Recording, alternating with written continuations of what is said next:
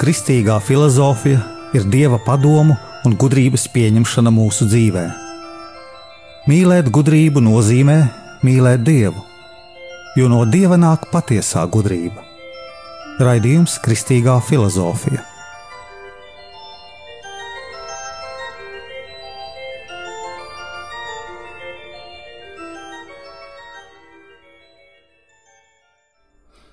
Es esmu Jānis Valtra Vitsenheims, Jeruzalemes Kristus kapa ordeņa bruņinieks, un ar jums ir 28. raidījums Kristīgajā filozofijā.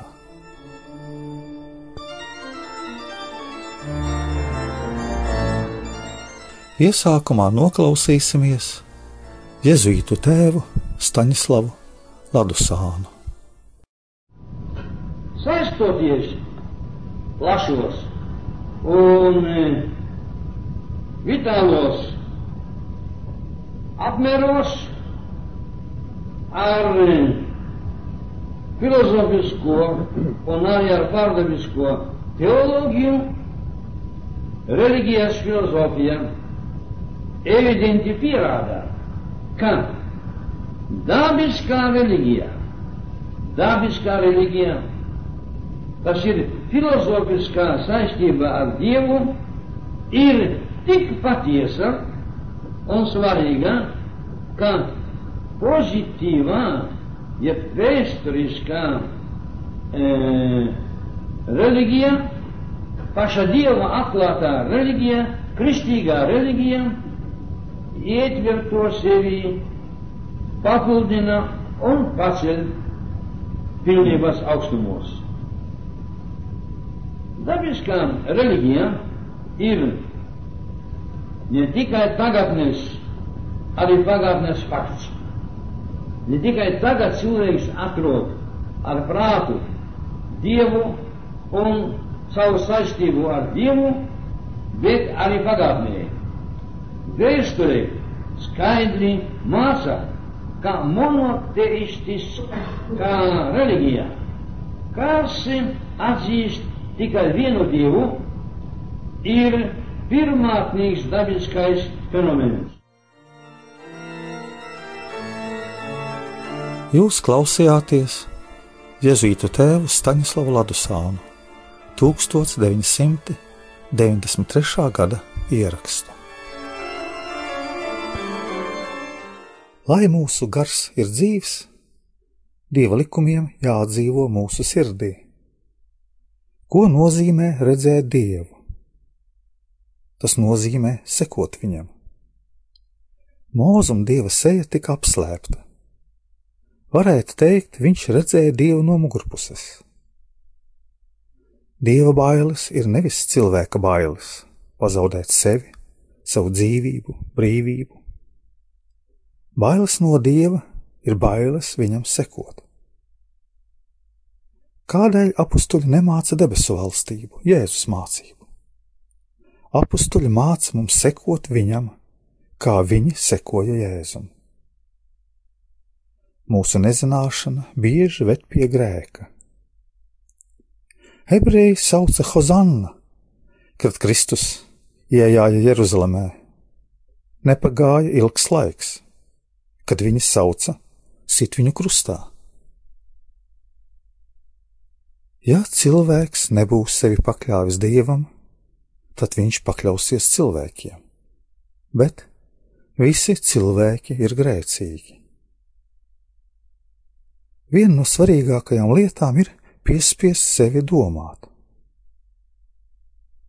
Samantātais cilvēks nevar lūgt dievam atdošanu, nevar atzīties savos grēkos dieva priekšā, tādēļ, ka viņš ir aizgājis pārāk tālu no dieva. Viņš nevar atvērt savu sirdi dievam, jo viņā ir pārāk maz dieva gara spēka. Lūdzieties, lūdzieties, lūdzieties, lai dieva gars ienāk jūsos un atver jūsu sirdi.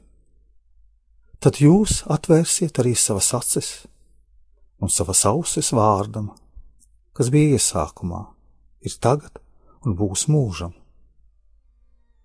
Kristīgā filozofija nozīmē mīlēt kristīgo gudrību.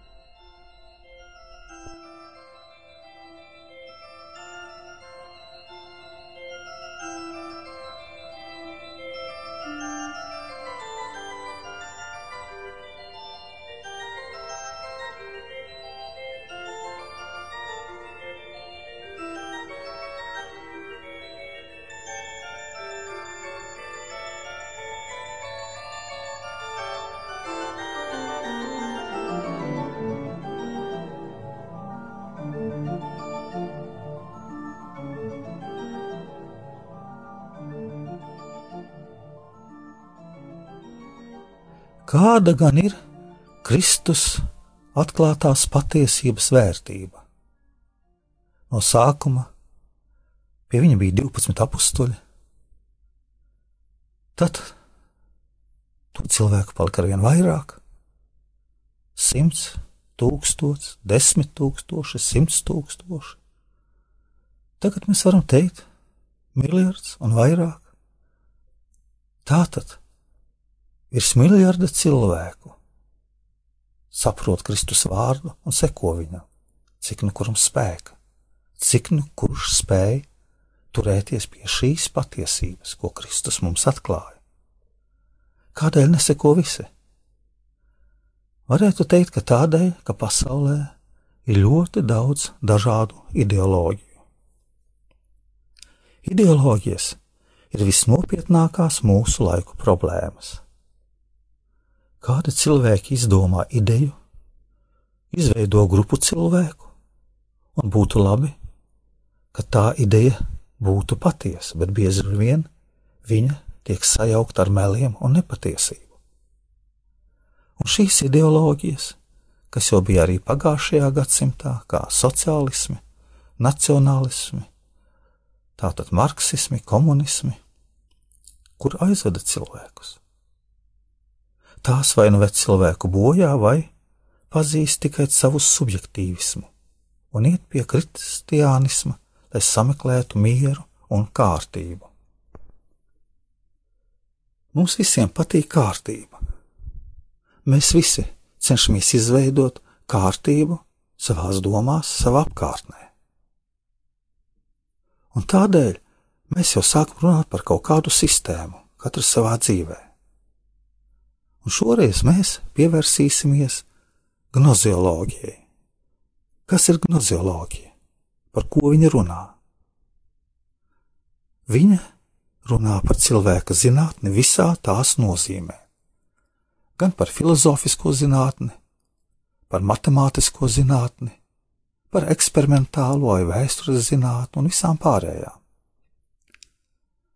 Eksperimentālā psiholoģija runā par cilvēka pazīšanu par cilvēka gribu. Gnozioloģija ir zinātne par zinātni, filozofiskā skatījumā. Ļoti svarīga doma. Gnozioloģija grib zināt, vai mūsu pazīšanai, mūsu integrālai vērtībai ir reāla nozīme, vai ir reāla vērtība. Mūsu kristiešu pazīšanas reālā vērtība ir patiesība. Vai mūsu zinātnes ir patiesas, vai mūsu pazīšana ir patiesa? Patiesība nozīmē saskaņu ar īstenību, saskaņu ar realitāti. Gnozioloģija runā par cilvēka pazīšanu, par cilvēka zinātni, par cilvēka integrālo zinātni. Runā par to, vai šī zinātne par cilvēku ir reāla.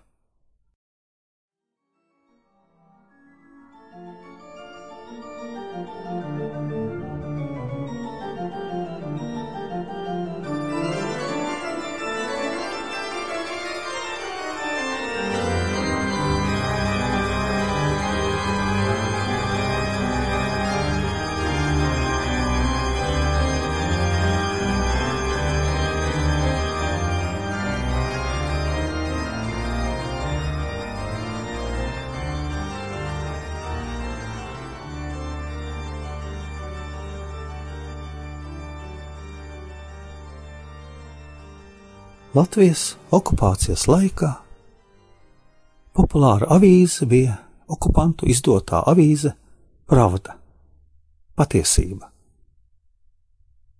Tā bija patiesība, kas tika pasniegta okupētajiem cilvēkiem. Bet vai šī patiesība bija pilnīga patiesība? Mēs labi zinām, ka nē. Mēs arī tagad sakām, ka tā bija ideoloģiska literatūra, ideoloģisks izdevums. Mums ir jāsaprot, ka ļoti daudz informācijas, kas mums apkārt, nav patiesība. Tagad ir populārs teiciens - viltus ziņa. Bet vai tās citas ziņas, kas uzskatāmas par patiesām, tiešām ir patiesas. Reiz viens cilvēks teica tā: ir trīs patiesības. Viena, kā uzraksta rakstnieks, otra, kā viņš to skatīja, kā to redzēja caur savu domāšanas prizmu, un trešā, kā bija īstenībā, patiesībā, kā tas viss risinājās. Mums ir jāsaprot, ka viss ir izveidots sistēmā. Mēs arī paši cilvēki, mēs elpojam, lai mēs varētu elpot, mūsu organismā ir sistēma vai struktūra, plaušas. Ja kāds neelpo, tad viņš mirst. Tāpat ir ar patiesības pazīšanu. Ir patiesības pazīšanas struktūra.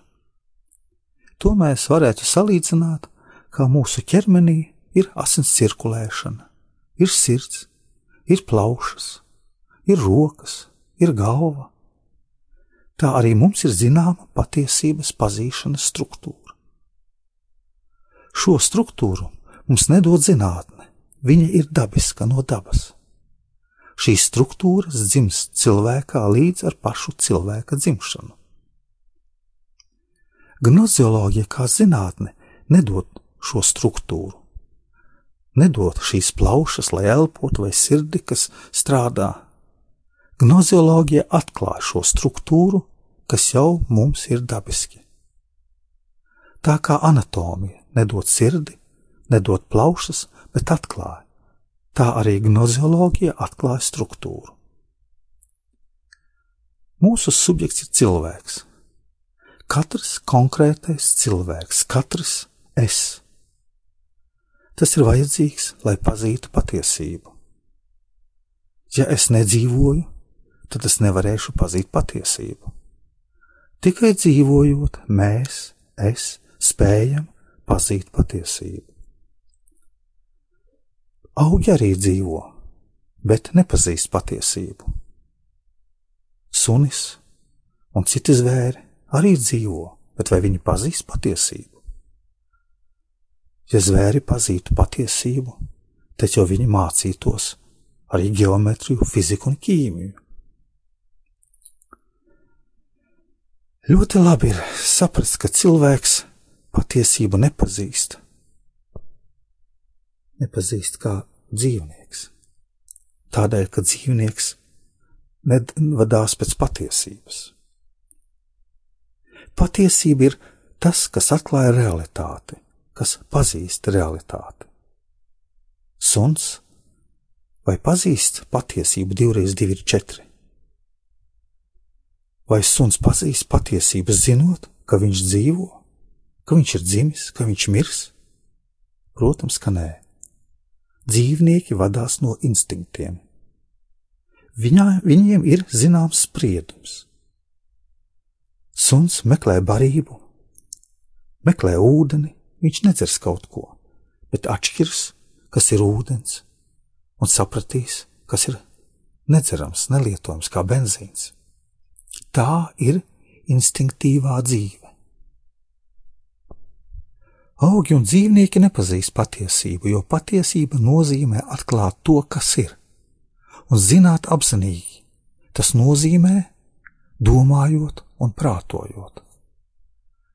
Tā kā augiem un dzīvniekiem nav prāta, bet tikai instinkti, tad tie nepazīst patiesību, nevar pazīt patiesību, jo viņiem nav prāta spēja. Tātad augam, dzīvniekam nav patiesības pazīšanas dabiskās struktūras. Viņiem ir tikai jutekļu pazīšana. Mums ir jutekļu pazīšana, bet ir vēl arī cita struktūra - prāta garīgā pazīšana. Šī struktūra balstās uz prāta spējām.